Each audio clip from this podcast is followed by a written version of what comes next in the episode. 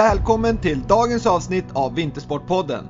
Tack för att ni lyssnar och att ni hjälper mig att berätta om podden till alla era nätverk. Med alla intressanta gäster som jag haft och kommer att ha tycker jag alla ska få chansen att ta del av deras kompetens, erfarenhet och förmåga att ge inspiration. Så följ Vintersportpodden där poddar finns så ni får ett meddelande när ett nytt avsnitt är publiceras och naturligtvis följ Vintersportpodden på Instagram för att få relevant information om vad som är på gång och inspiration. Varmt välkommen till Vintersportpodden. Detta avsnitt är i samarbete med Brooks, The Running Company. Brooks grundades 1914 och har stor kunskap om hur skor ska byggas för att ge absolut bästa löpupplevelse oavsett löpstil, erfarenhet eller anatomi. Jag har löpt med Brooks kontinuerligt ett år nu och har aldrig haft bättre skor. Jag har skor som passar min nivå och alla underlag. Unna dig ett par riktigt bra skor inför 2022 för att utvecklas som löpare och ha en härlig löpupplevelse. Be happy and run happy med Brooks, The Running Company. Nu drar vi igång dagens avsnitt.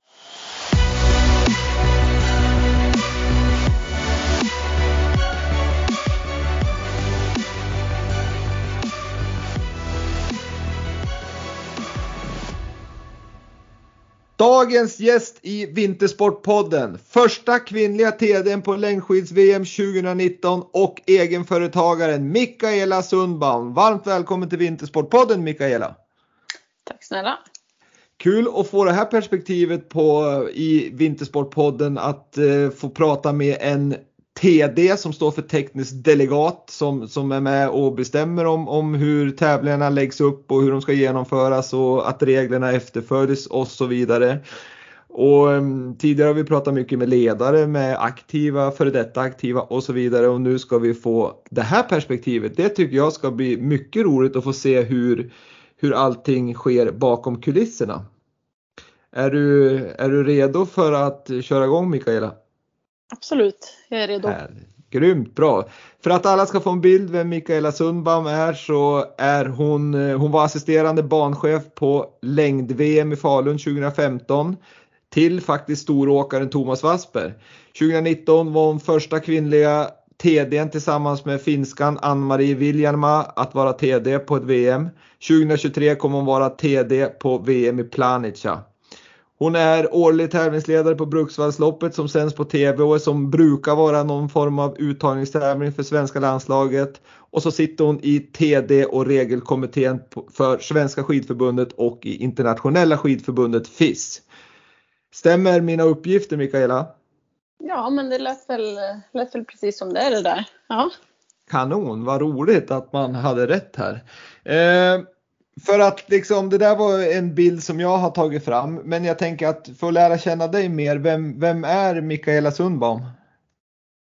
Eh, ja, vem är jag? Ja, men de där, de där grejerna stämmer ju alldeles utmärkt. Utöver det så, ja, men jag bor uppe i Funäsdalen, eh, tvåbarnsmamma, har två små tjejer hemma vid och eh, ja, men är ju väldigt intresserad av idrott och har, har alltid varit. Hur, hur var uppväxten? Var det längdskidåkning all in eller höll du på med fler idrotter? Eh, ja, men det, var, det var fotboll och det var längdskidor. Sen mm. lite volleyboll också. Men jag skulle säga att det var väldigt mycket fotboll sommartid och väldigt mycket längdskidåkning vintertid. Och då ska vi säga det att du flyttade upp till Vem eller Funäsdalen 2007 och innan dess då så växte du upp i Tierp nere vid, vid norr om Uppsala. Ja. Eh, men eh, sen så håller du ju på, förutom att vara TD och sitta i kommittéer och åka runt på VM och så vidare, så, så driver du ett eget företag uppe i Funäsdalen och Bruksvallarna. Där du lär andra, både elitåkare och eh, företag och så vidare, att åka längdskidåkning. Kan du berätta lite om det? Eh, ja, men jag driver en skidskola eh, sedan 2010 i Bruksvallarna, så det är ju min huvud, huvudsysselsättning. Så det är ju, ja men vi, vi lägger ut snön i Bruksvallarna här i november eh, och ibland kommer ju den betydligt tidigare än så. Eh, natursnön. Men eh, från oktober, november där någon gång så till slutet på april så, så är ju eh, ja men undervisar jag i, i längdskidor och då är det allt från ja men helt, helt nybörjare till de som är riktigt vass. Mm. Ja det är ju ett riktigt, eh, det är ett fint, vad ska jag säga, längdmecka där uppe. Både i Funäsdalen har de ju på nordiska, alltså Nordic Ski Center och, och även i Bruksvallarna som för gemene man eh, kanske mer känt för, för det här Bruksvallsloppet som går där i, i tidigt på säsongen.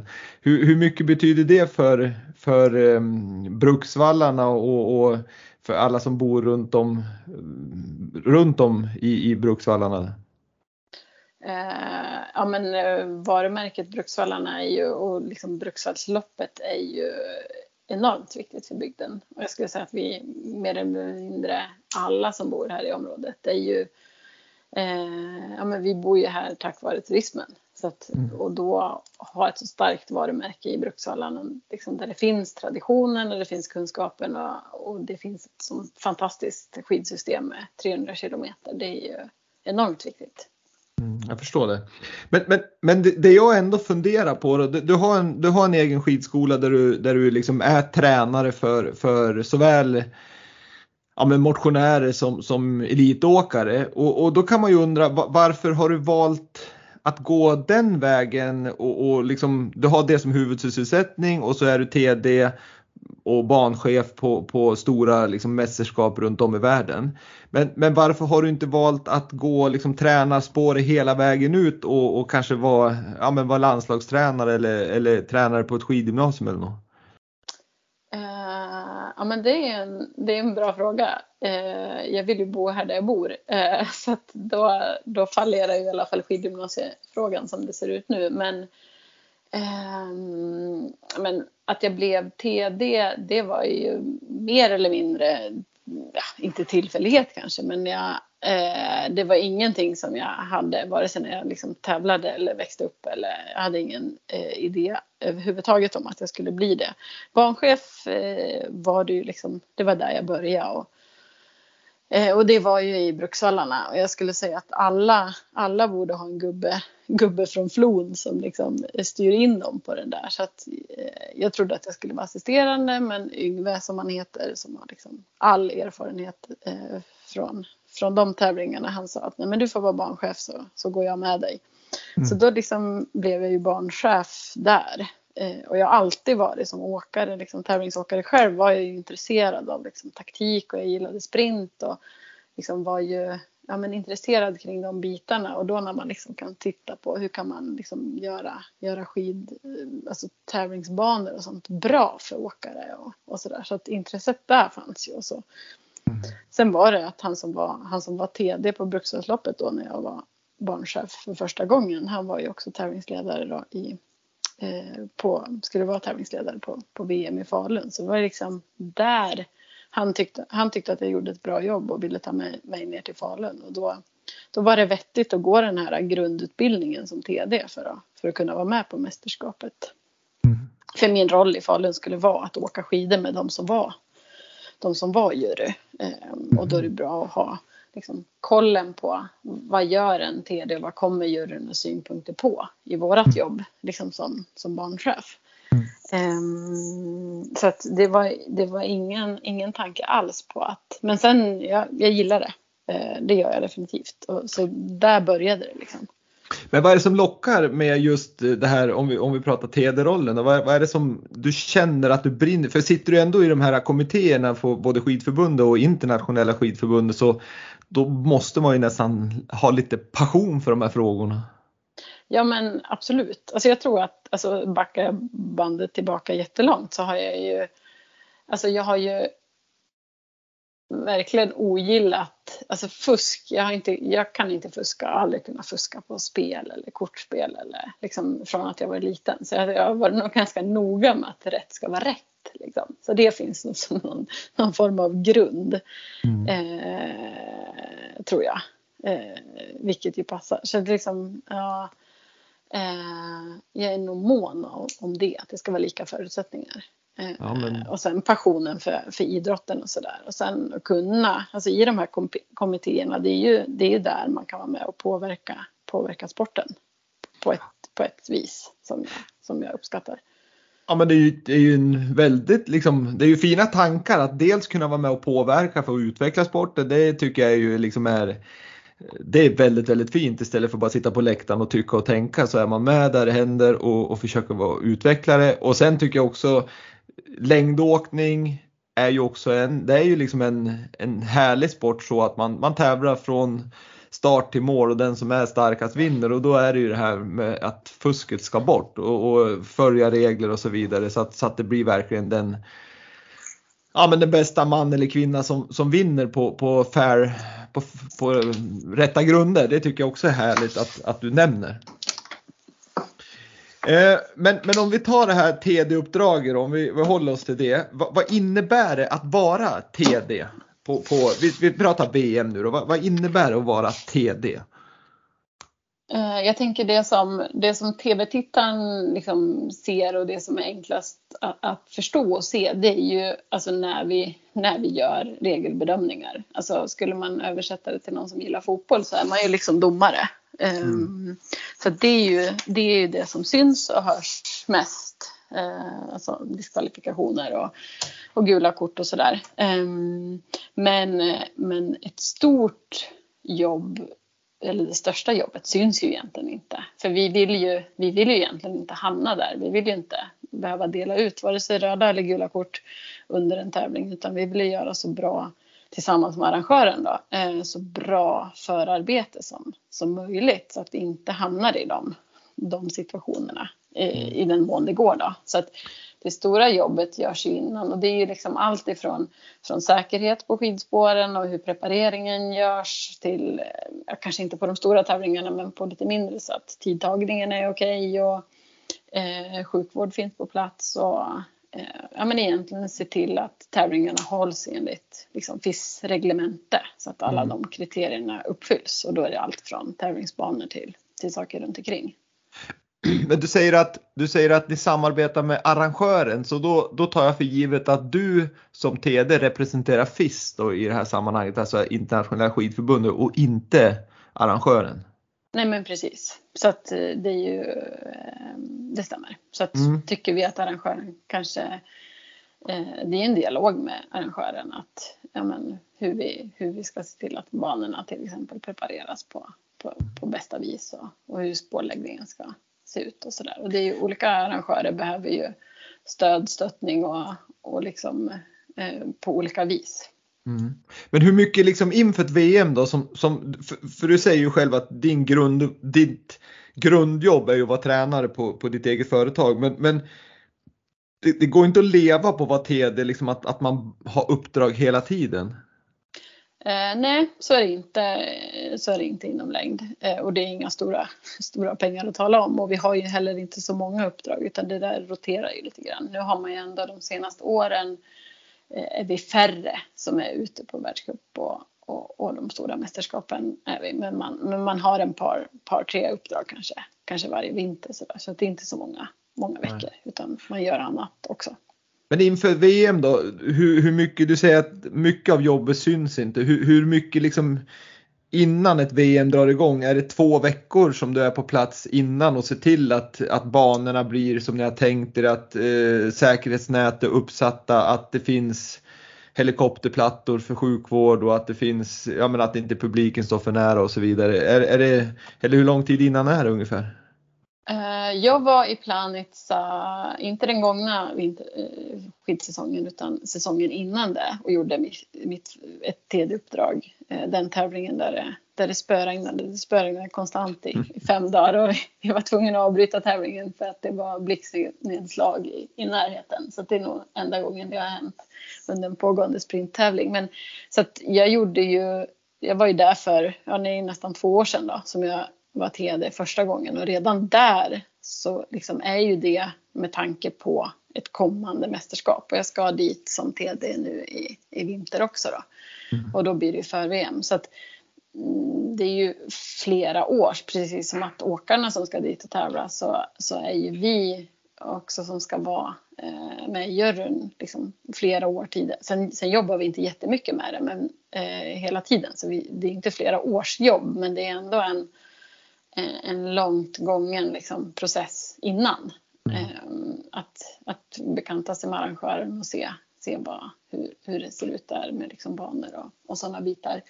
Um, och nu Men... blir det väl liksom konkret. Sen, sen, kommer ju väl på plats innan, så bruk, det brukar inte vara två veckor, det är lite kortare en vecka mm. kanske knappt, som vi är där på plats innan. Men vi har ju kontinuerlig kontakt med, med arrangören eh, i många veckor innan. Och, och även mm brukar det kunna ingå ett sommar, sommarbesök. Eh, då när jag var TD i Seefeld så var vi där på sommaren innan också. Okej. Okay. Ja men det, det, det, blir, det är mycket runt om som du sa som, som man inte alls ser och, och dig ser man ju sällan i rutan också. Men, men om man tänker som, som TD då för, för ett sånt här för en sån här stor tävling. Eh, vem är det som, om jag får uttrycka mig som är chef då, då kan du säga åt banchefen till exempel att nej, nej, nej, nej, så här ska spåren dras och du ska, ni ska preparera så här med pistmaskinen eller, eller är det liksom, vem är det som styr vem? Eh, ja men det där är ju, i, helst ska vi ju samarbeta så bra som möjligt. Att, eh, att vi ska göra det ihop. Klart att som, som har arrangemanget liksom, men ändå tillsammans med arrangören. Så att eh, det brukar kunna vara eh, jag skulle säga att i, i de fall jag har varit med så har vi ändå kunnat enats eh, eh i frågorna. Mm. Men, men vilka mandat har du då? Liksom, kan, du, kan du som, som eh, TD gå in och liksom om vi tar till exempel, nu var du banchef, assisterande banchef på VM i Falun, men jag vet, för jag var själv där, att jag tror det var på fem milen som det var väldigt, väldigt sockrigt. Alltså snön var eh, ganska konstig, ni fick jobba med salt. Eh, de fick ju pulsa lite grann i vissa partier för att det var så väldigt löst. Men som TD där kan du gå in och säga åt eh, banchefen att nej men nu måste ni vattna på med vatten här och salta för att det ska bli hårdare i den här kurvan så det inte blir farligt. Annars ställer jag in.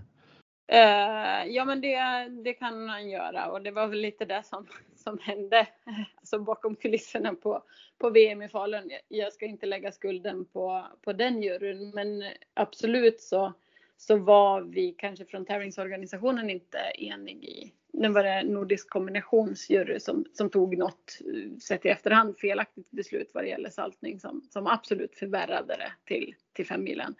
Um, ehm, så att uh, ja, det kan du göra som TD och, och det händer. Mm. Ja, för det är, ju, det är ju faktiskt väldigt, väldigt viktigt just med snö hur man hanterar snön, speciellt då nu som, som det ser ut på många ställen i Europa framförallt när, när det är väldigt löst och det kanske är lite snö och snön är gammal så att den blir så här sockrig och, och svår att hantera. Då, då blir det ju liksom, det ställs ju stora krav på, på organisationen att man gör rätt för att jag menar det går ju inte så jättelångsamt ut för även för längdåkarna så att, så att det kan ju bli en, en fara om man, om man gör fel. Eh, ja men absolut, visst är det så. Alltså, idrotten går ju väldigt mycket snabbare idag bara än vad den gjorde för alltså 5-10 år sedan. Eh, mm. Gör den det. Så det och, och, saltning gör ju också att det går fortare eh, och ställer andra säkerhetsmässiga krav. Mm. Men, men, men det som är intressant när vi är inne på, på just den här frågeställningen då med, du, du nämnde Planica, när det, när det regnade så det bara dånade om det och, och, du fick eh, bryta tävlingen för att det, för att det blixtra. Eh, det kan ju vara andra orsaker också, att det är för kallt till exempel eller att underlaget är för dåligt och så vidare. Hur mycket kan du som TD gå in och styra det beslutet att nej men nu, nu ställer vi in eller vi skjuter på den här tävlingen i fyra timmar. Och det jag tänker på det är ju att TV, de har ju sin tablå och det är de som betalar liksom kalaset på en världscup till mångt och mycket. Hur, hur mycket kan du vara med och, och styra där? Liksom, har du något mandat eller är det TV som till, till syvende och sist går in och bestämmer? Um, nej men det är ju absolut så har ju TV Eh, det ska man ju vara medveten om att tv har ju de, de ställer ju absolut krav på, alltså det gäller att hitta en, en liksom eh, ja men hitta en, ett sätt som blir bra för sporten eh, och även för tv-tittaren. Och det är ju inte alltid att det är det optimala för åkarna, det, det som är det optimala för tv-tittaren. Um, och där har jag bara vid ett fåtal gånger, ja men Planitza var där vi liksom sköt på, men det, det var absolut svordomar från tv-bussen i Planitza när vi, när vi um, pausade tävlingen. Eh, för det ställer ju till det för dem. Det gör det ju Mm. definitivt. Så att man måste ju vara medveten när man tar de besluten. Men man, man kan göra det att liksom, säger vi att säkerhetsmässigt för åkarna, de kan inte fortsätta tävla. Så har liksom, ja men då, då blir det så. Ehm, Men vi försöker ju att inte hamna där. För vi, det är ju viktigt för sporten att, att vi har liksom tv med oss. Mm. Eh, och i Seefeld så, så ändrade vi väl en tv-tid just för att det inte skulle bli för löst i, jag tror att det var inför sprinten. Ja, ni gick ut, ni startade tidigare va på, på morgonen? Ja, precis. Ja. Eh, så att vi liksom extrema situationer så, eh, så kan vi göra det. Men vi försöker undvika det för att det är ju, jag menar sporten måste ju synas i tv för att det ska, det är ju en förutsättning. Vi, vi är ju beroende av varandra. Ja men verkligen, det är ju, jag tror att om man inte ser till TVs eh, önskemål och ha, ha en balans där då, då kanske man gräver sin egen grop och, och, och, och, och, och liksom förstör för, för både åkarna också och sporten som, som helhet. För att jag menar åkarna är ju väldigt beroende av, av media för att, för att de ska få sitt, sina pengar in och, och kunna leva på det och så vidare. Så att eh, det är ju en jäkla balansgång. Ja men precis, för jag är ju lite i beroendeställning till varandra där och det Ja. gäller ju att kompromissa liksom. Eh, det är väl det viktigaste från sportens sida, eller tycker jag i min roll som TD, det är ju att alltså det vi inte kan kompromissa på, det är ju säkerhetsfrågorna. Och där är ju, du var inne lite på alpint, där är ju liksom ännu viktigare kanske för att det är sådana sådana farter, men det är det är det viktigaste också på längd. Så att liksom är det säkerhetsfrågor då, då går, kan vi inte kompromissa. Eh, men, men i övrigt så, så, så, så försöker vi ju kompromissa med, med TV, definitivt. Mm. Nej, för jag tänker på, det är ju lite olika säkerhet. Nu är det ju även när det är kallt på alpin så kan det ju vara väldigt farligt med köldskador. Men jag tänker, är det kallt som 17 i längd så, så är det ju faktiskt ganska stor fara för, ja, men för luftrör och lungor och, och så vidare. Så att det är ju nog, jag tror att det, det är ju viktigt också att man som TD vågar stå på sig om det är någonting som inte är riktigt bra. För jag menar, eh, man kan ju äventyra mycket eh, för, för åkaren också om man inte liksom står på sig om man ser ett uppenbart fel. Ja, men definitivt. Och det är precis som du säger, köld är ju en sån sak. Det är ju tydligt i regelboken att är det för kallt då tävlar vi inte. Liksom. Det är punkt. Ja men intressant, men, men då tänker jag så här att eh, nu har vi pratat om själva uppdraget men, men för att bli TD då, hur, hur, hur blir man det? Är det bara att anmäla sig till Svenska skidförbundet eller måste man gå några liksom utbildningar på, från, som FIS håller eller hur funkar det?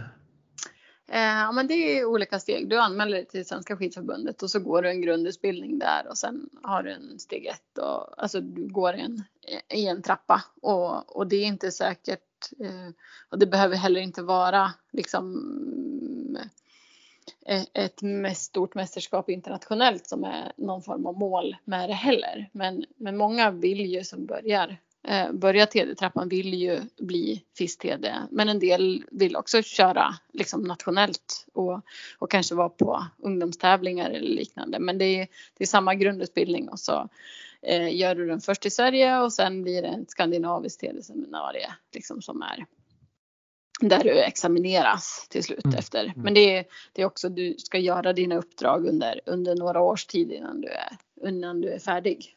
Mm. Så det är en rätt så bra liksom, intern skola, det är som en yrkesskola kan man säga att man får vara med mer rutinerad ute på tävlingar. Och, men hur, hur är det där då liksom, får, får du vara TD för en svensk, i Sverige på en svensk tävling eller får du bara ha andra länder för att det inte ska bli något fusk i, i något rankingsystem eller att du tar fördelaktiga beslut för Sverige eller någonting? Ehm, ja men jag, nu var det ju ett speciellt år den gångna vintern så då var jag assisterande TD i Ulricehamn. Eh, och vanligtvis så är vi inte TD om vi pratar världscupnivå då. Alltså i de nationella tävlingarna så är vi bara svenska TDs. Mm. Eh, men om vi pratar världscupnivå så, så normalt sett så är du inte TD eller assisterande TD i, i, i ditt hemland. Nej.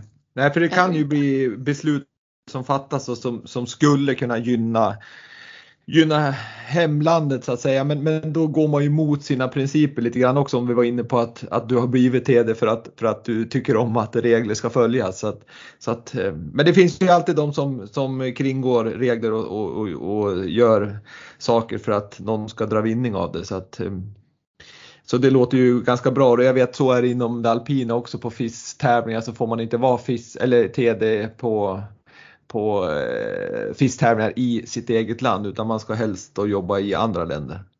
Mm.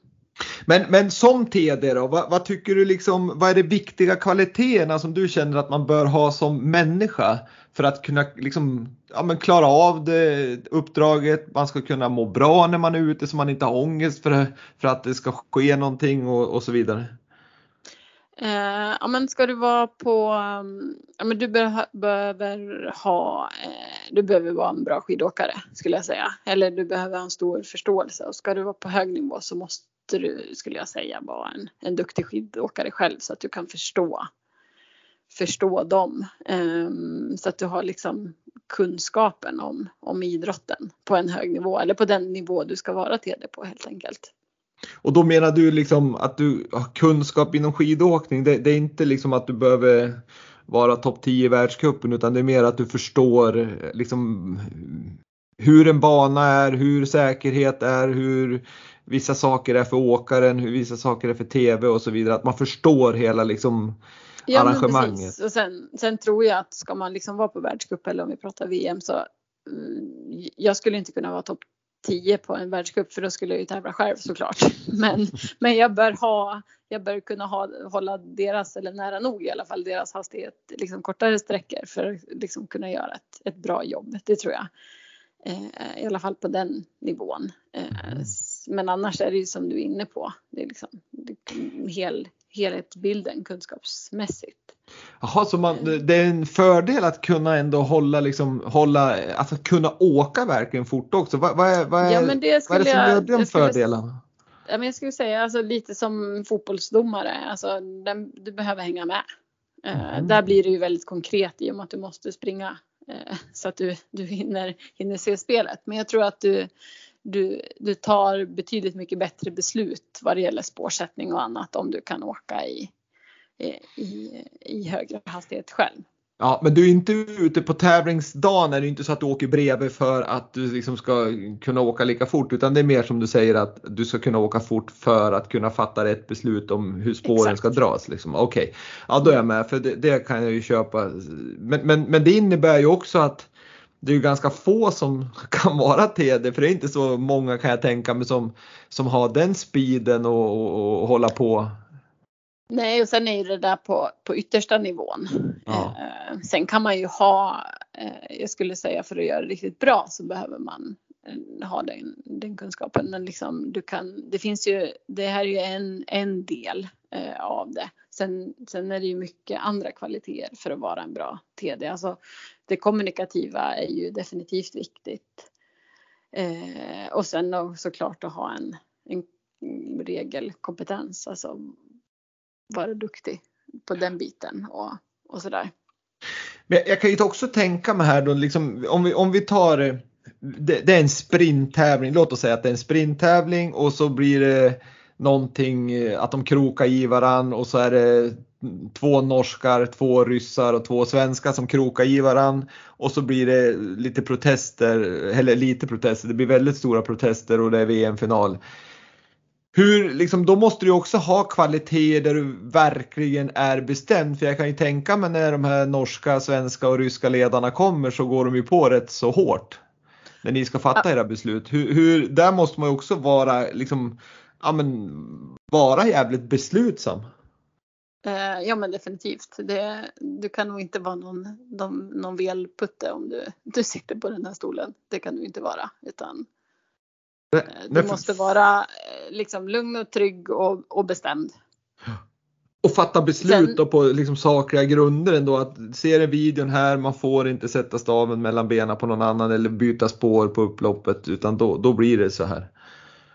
Ja men absolut. Sen, sen är ju, du ska såklart vara lyhörd för deras alltså synpunkter när de eh, kommer in i, i juryrummen och vi lyssnar ju till vad de, vad de har att säga för att få en förståelse. Men sen är det ju du som fattar beslutet och då måste du vara eh, hård och, och bestämd i det. Men jag tänker där då som, som Norge till exempel då som är den liksom dominerande makten och dominerande landet i, i, i, i längdsporten. Hur, hur lätt är det som, som TD att liksom stå emot den enorma liksom, tryck som kommer från en sån där stor makt och så, som dominerar så otroligt mycket? Jag tror att man får, eh, man får försöka slå bort det. Man kan inte fundera på liksom vem man har i juryrummet för du ska inte döma på något annat vis oavsett om det är Norges största stjärna eller om det är någon som hamnar på plats 44 och kommer från ett okänt land höll jag på att säga. Mm. Eh, så det tror jag att man måste någonstans liksom för att kunna ta de besluten, alltså egentligen inte se vad åkaren eller heter eller vilken nation den kommer ifrån. Tycker du det är lätt? Eh, nej men skulle jag säga nej lätt eh, då skulle jag nog ljuga eh, om jag sa att det var helt lätt. Men, eh, men jag tror att det är en förutsättning och det är någonstans där man måste eh, försöka vara trygg i det. Så att, mm. Mm. Ja, jag förstår det. Men, men om man tänker så här då. Jag tror många som, som lyssnar på det här och många som är intresserade av idrott. De ser ju de här internationella förbunden som skidförbundet, fotbollsförbundet, hockeyförbundet och så vidare. Det är ganska liksom mansdominerade förbund många gånger. Och jag tänker liksom, jag kan också se, vi har pratat lite tidigare också, att tränarstaberna har varit i alla fall mycket män som, som har, har varit tränare. Det har inte varit jättemycket kvinnor, även om det börjar komma in mer och mer kvinnor i, i tränarleden. Eh, dock så tror jag att det skulle behövas fler. Men hur är det inom det här gebitet då? Är det lätt att vara kvinna i, i, som liksom, i den här TD och regelkommittéerna när du är ute på TD-uppdrag och så vidare? Eller, eller hur, hur, känner du där liksom? Blir, man, blir du respekterad? Uh, jag vet ju ingenting annat än att vara kvinna men, nej, men uh, ja, alltså jag nej, men Ser du någon skillnad om jag säger så ja. på dina manliga ja. kollegor? Har de lättare på något uh, vis? Jo men nog tror jag att jag behöver bevisa mer för att få respekt. Eh, om vi generaliserar det, definitivt. Tycker du, tycker du man jobbar på det här från FIS sida att man liksom ska in mer kvinnor, att, att, att det, liksom, det är det som är det moderna, att, att det finns ingen skillnad mellan män och kvinnor? Uh, ja men jag tycker att FIS på, på många håll gör det bra. Um, tittar vi på liksom de uh, uppdrag som är vad det gäller TD så är det lika mycket kvinnor som, som män idag. Och det, så såg det ju inte ut för om vi liksom backar bandet. Så att där gör man det, där gör man det bra. Eh, man har ja. tagit in kompetenta kvinnor så det är lika många kvinnor som, som är, även om jag och Ann-Marie var först i, i, i C-fält och, och mm. var liksom ett helt kvinnligt TD-par så eh, tittar vi på de kommande mästerskapen och sådär så se, och, och världscuptävlingarna så är det en, en bra fördelning. Eh, sen i de här regelkommittéerna så är vi absolut för få, få kvinnor och där vi, vi är ju liksom inte eh, jättebra i Sverige heller. Eh, om vi tittar högt upp i liksom tränarstabarna eller i, i, i kommittéer och sådär. Så att det behövs ju absolut bli, bli eh, fler och bättre. Men om vi tittar just på, på TD-biten internationellt så där är det, där är det bra nu. Vad tror du beror på just det där med, du säger dels inom eh, kommittéerna men, men inom tränarleden att, att det är få kvinnor. Är det, är det någon kultur som finns där eller är det liksom att det är svårt att leva det livet som, som är där man är ute mycket på, på tävlingar och så vidare. Som, som att, man, att det ligger kvar sedan gammalt liksom att, att det är svårt när man har småbarn till exempel och, och vara borta mycket som kvinna men det borde ju vara lika svårt för en man tycker man ju. Ja, men jag tror absolut att det är lite förlegat så, att det liksom hänger kvar och, och sen att det finns en kultur av det. Eh, men att det, det hänger definitivt kvar för att det har sett ut så och män rekryterar andra män. Mm. Eh, det tror jag. Sen tycker jag att jag kan märka, eh, jag märker när jag är ute på den internationella scenen att det är lättare och svårare i olika, olika länder. Ja men det är det ju nog. Det har ju kommit längre kortare och längre beroende på vart man är i, i världen såklart. Så är det ju. Jag, jag, tror ju ändå någonstans att Sverige har kommit rätt så långt vad det gäller jämställdhet i, i stort. Sen finns det ju ställen som det inte har kommit så långt men, men generellt sett så tror jag ändå att det är rätt så bra.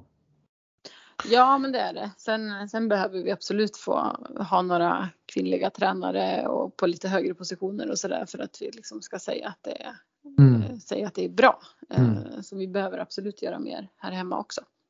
Ja, verkligen. Det, det, det finns jobb kvar att göra, men jag, jag, det känns som att det är på rätt spår i alla fall. Eh, att man har frågorna uppe och, och, och på tapeten. Men du, du som är in, insatt nu då i, i FIS och du sitter med i TD och regelkommittéerna både för svenska delen och för, för internationella skidförbundet. Eh, det är ju en härlig sport längdåkning. Mycket liksom, den är stor i Sverige, Norge, Finland. Eh, men, men någonstans så, så, är det ju lite tråkigt när man sitter och tittar på, på Vinterstudion på, på helgerna och, och ser att det är lite norska mästerskapen, ibland är det svenska och norska mästerskapen. Det vill säga att det är väldigt många från Norge och Sverige som, som ligger i topp. Hur, hur, hur tycker du liksom att man bör utveckla längdsporten för att den ska bli mer global? Eh, ja men det här är skulle jag säga vårt, vårt största problem om man tittar, tittar inom längdskidåkningen. Att det är det är de skandinaviska länderna och så är det eh, Ryssland och det blir, det är en fara för sporten. Det är mm. kul att det går bra för Sverige å ena sidan men, men det är också, det är inte alls bra för sporten. Vi skulle definitivt behöva fler skidåkare från Mellaneuropa och, och andra länder och eh, jag har inte heller, jag har ingen eh, liksom, lösning på det här för då skulle jag definitivt ha eh, nämnt den eh, och det har väl inte eh, FIS heller i dagsläget. Alltså man försöker ju jobba med det och det här med att de stora nationerna, om man tänker som framförallt Norge men även, även Sverige, eh, får räknas som en, det är inom längdskidåkning. Alltså det är ju, vi har ju för stora budgeter om vi jämför med de andra länderna. Det blir mm. inte på samma, samma villkor. Man försökte ju om valla teamen där va? Att, man, att man var begränsad ja. till ett visst antal men då lyckas man ju hitta andra kryphål att man tog med någon från Belgien och Holland och och, och, allt vad det var så fick man ändå en stor kvot vallare. Ja men exakt så att det, och det är klart att eh, som vi i Sverige, vi har ju många att, att valla för och, och, har man en nivå på, på saker och ting så vill alla liksom sträva efter att bli bättre. Men det mm. blir mm. inte, det blir ju, det blir svårt för de mindre nationerna så det, det är problematiskt eh, är det definitivt för att fortsätter det så här så åt det här hållet så är det ja, men en fara för, för sporten. Skulle man kunna göra större insatser i, i andra länder från FIS sida, liksom att, att få upp längdskidåkning på, på tapeten? Eh, jag menar, jag tänker Tar du den alpina sporten så är den stor rent, eh, ja men framförallt i Europa så är den väldigt, väldigt stor och det, det ser man ju också på, på intresset där i, i Mellaneuropa. Men, men på något vis så har ju inte längdåkningen slagit på samma vis och jag, jag vet faktiskt inte varför för de har ju fina liksom, förhållanden där också. Man är ju liksom lite av kulturen där nere med, med uthållighetsidrott. Jag tänker på man springer och vandrar i, i Alperna och så vidare. Så att jag vet inte vad man skulle kunna hitta på för att göra det mer attraktivt. Nej, jag har inte heller någon, liksom, något, något svar på den. Men det är definitivt en, en frågeställning som, som berörs och som måste liksom, beröras. Men jag tänker du då som sitter i, i regelkommittén. Så det, det blir ju någonstans, hur, hur diskuterar ni där? Kan man, kan man sätta regler för att, att göra att Sverige och Norge inte blir så dominanta men samtidigt känner jag lite grann att det kanske är fel väg att gå att, att sätta regler så att man så att inte de länder som är duktiga ska fortsätta vara duktiga. Det handlar väl kanske mer om att hur kan de andra bli bättre? Ehm, ja men absolut. Ehm, just i regelkommittén så tittar vi inte, alltså vi berörs ju absolut av, av, av frågan där också men eh, regelkommittén har mest eh, liksom nere på grenspecifika frågor. Och det där med världscupprogrammet och liksom världscupkommittén eh, ja, berör ju världscup programmet då, eh, och berör ju de, de frågorna. Då tittar man ju på hur man kan, eh, kan lösa det. Så att Mm. den, den är ju uppe på, på bordet, det är den. Medan vi i, i regelkommittén tittar mer på eh, ja, men regelspecifika frågor. Ja, det är en intressant fråga och där har ju eh, ja, men längd vad ska jag säga, längdkommittén, högsta längdkommittén och, och Johan Elias som är ny. Jag tror att det är som du säger att vi, vi måste nog komma eh, till bukt med det här för att det inte ska bli för nordiskt. Eh, men, men i din roll då som, som, eh, som sitter med i de här kommittéerna, hur ser du på upp, upplägget idag med grenar och distanser? Är det, är det bra som det är just nu eller ser man från ert perspektiv eller från ditt perspektiv att det borde vara på något annat vis? Att man ska gå tillbaks till exempel till mer traditionell enskild start, vilket vissa förordar. Anders Södergren till exempel, han skulle förmodligen ha varit både VM och OS guldmedaljör flera gånger om det hade varit enskild start. Medan Petter Northug, han eh, har ju dragit vinstlotten med, med gemensam massstart. Då. Men, men hur ser ni på det där? Vad, hur väger ni för och nackdelar där, liksom, med vad det ska vara? Ja, men där kanske man har gått lite vilse, höll jag på att säga. Alltså, man har ju också fått lite kritik. Alltså, man har ju ändrat mycket eh, och då liksom för att och det är väl egentligen många av ändringarna har man ju gjort när man har tittat eh, söderut, alltså ner mot Mellaneuropa. Att man har menat på att masstarter och kortare race och, och de bitarna ska attrahera eh, där medan vi kanske här uppe i Norden, ja men vi har gillat där att man lite Anders Södergren eh, mm. tänket där att du sticker ut i skogen och sen kommer du tillbaka efter fem mil och så mm. sådär.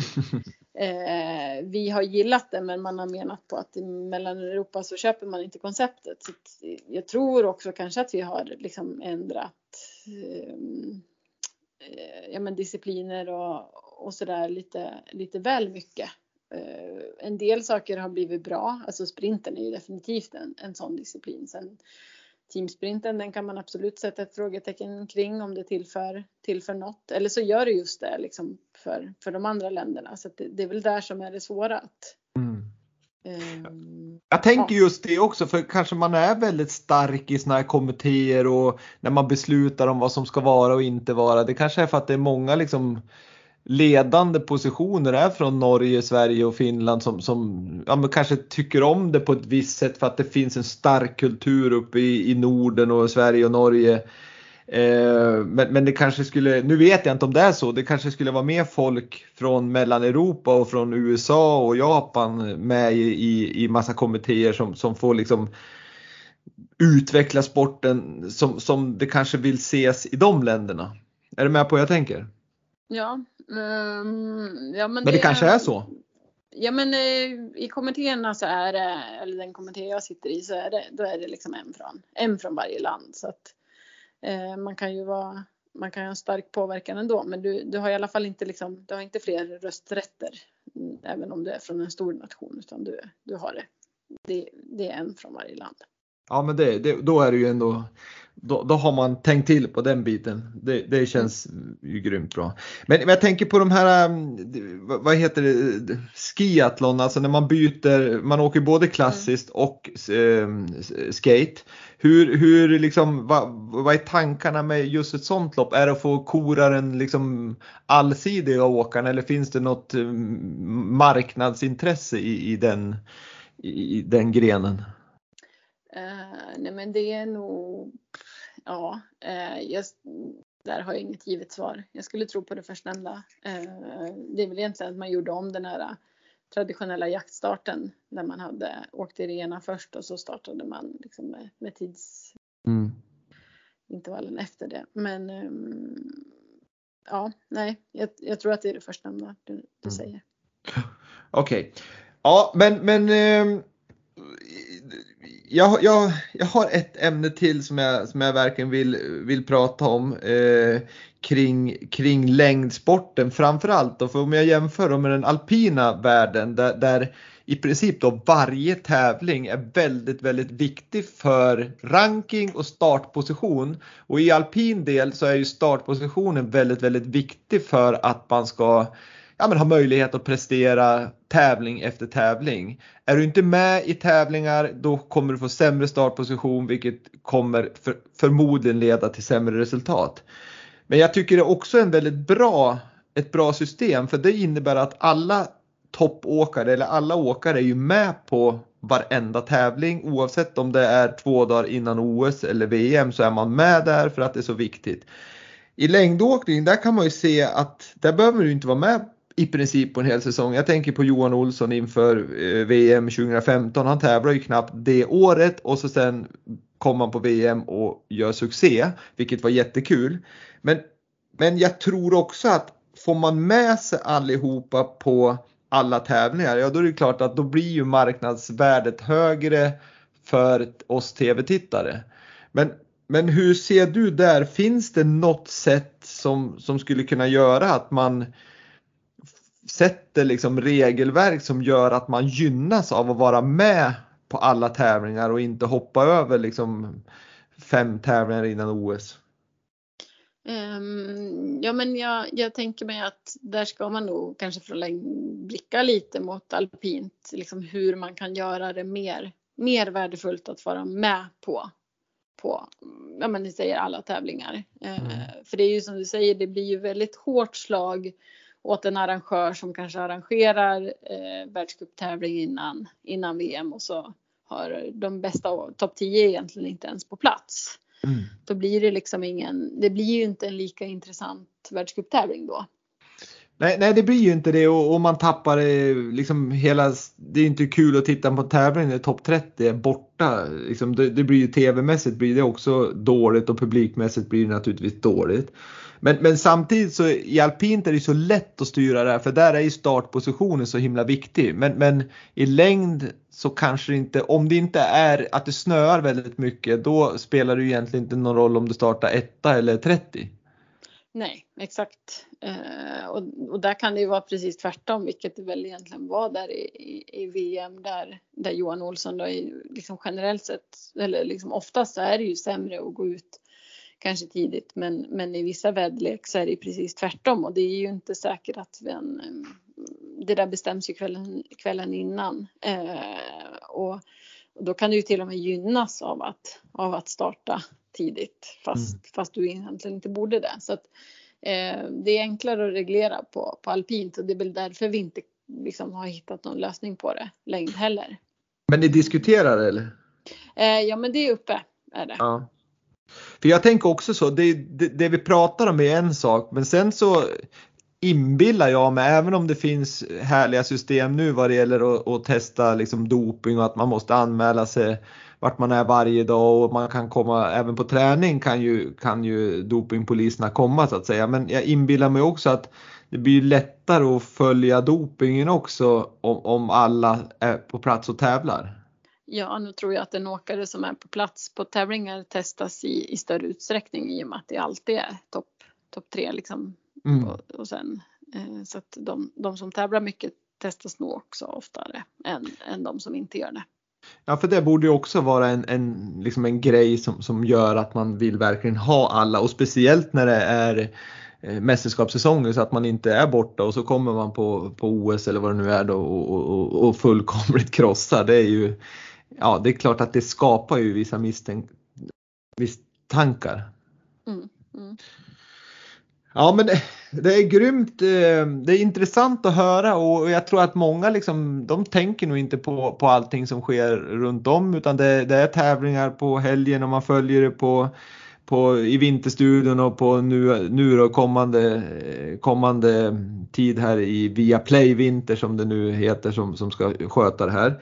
Eh, men, men det sker väldigt, väldigt mycket runt om, både på tävlingar men sen är det ju som ni säger att ni har era möten i de här kommittéerna där ni diskuterar vad som komma skall kommande säsong och kanske ännu längre fram för att liksom, det är lång framförhållning att ändra massa regler också misstänker jag.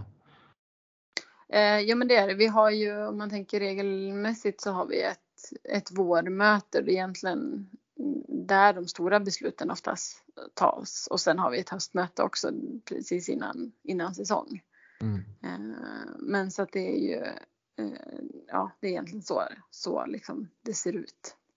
Eh, så nu det som har hänt inför den här säsongen, den stora grejen, det är ju det som har, ja egentligen det som hände hände på bland annat VM i, i fjol. Då. Liksom, den globala längdsporten, vad, skulle det vara för att du känner att då jäklar skulle det bli både läckert att kolla på det och roligt att genomföra? Eh, upprepa det där igen sa du. Eh, om du fick drömma om, om en regeländring eh, inom längdsporten, hur, hur, hur, skulle du liksom, vad är din drömregel som skulle kunna genomföras för att göra den längdsporten otroligt intressant att titta på och som åkare att köra liksom? Eh, oj, eh, men jag har, jag har nog ingen sån där som ligger på lut. Jag tycker att den, den vi genomförde, den gör ingen stor ändring på sätt och vis, men, men jag skulle ändå säga att eh, vi var med och påverka i rätt riktning det som vi genomförde eh, till i fjol. Alltså en, en sån liten grej som att det har stått han i hela regelboken istället för liksom utövaren. Det har, mm och det är ju ett, vi pratade lite jämställdhet tidigare, eh, att, mm, att vi mm. kan vara med och påverka och, och ändra det eh, i, i hela regelboken. Det, det var en, en bra milstolpe som vi, som vi gick i hamn med här i, inför förra. Men jag har nog ingen sådär, inte just nu någon, någon regel som jag känner att jag vill, vill ändra på men jag kanske ska fundera ett, varv till Få köra den någon gång. Men, men, men det är ju typiskt en sån här sak som jag tycker är mer eller mindre självklar att att det ska inte ens behöva vara ett stort beslut att ändra det. Det är ju liksom 2022 snart och då borde man ju liksom solklart stå utövaren och ingenting annat. Ehm, så så det, det är min eh, fasta ståndpunkt i, i det där. Ehm, men Mikaela, har du någonting att tillägga den här, eh, det här poddavsnittet eller tycker du vi har fått med en hel del intressanta diskussioner? Uh, nej, men jag har nog inte något spontant sådär som jag tänker att jag vill tillägga utan får väl hoppas att det var intressant för någon att lyssna på också. Ja men absolut, det är ju jättekul att höra hur, hur det styrs och hur, hur allting läggs upp och så vidare. Så det är ju toppen. Men eh, jag och Vintersportpodden, vi är mycket glad att du har varit med. Men innan jag släpper dig så ställer jag en fråga som jag ställer till alla gäster oavsett om man är aktiv eller inte aktiv eller har en position runt om i idrotten så ställer jag den här frågan och den är ganska enkel att besvara skulle jag tro för dig. Men säg en framgångsfaktor för att lyckas med idrott. Viljan. Viljan, den är du inte först och inte sist med att säga skulle jag tro som en framgångsfaktor. Men jag tycker det är helt rätt och med det sagt så önskar jag dig lycka till i både med ditt företagande uppe i Bruksvallarna och Funäsdalen och sen önskar jag dig all lycka med eh, VM 2023 och alla andra uppdrag som du ska genomföra som TD. Stort tack Mikaela! Tack!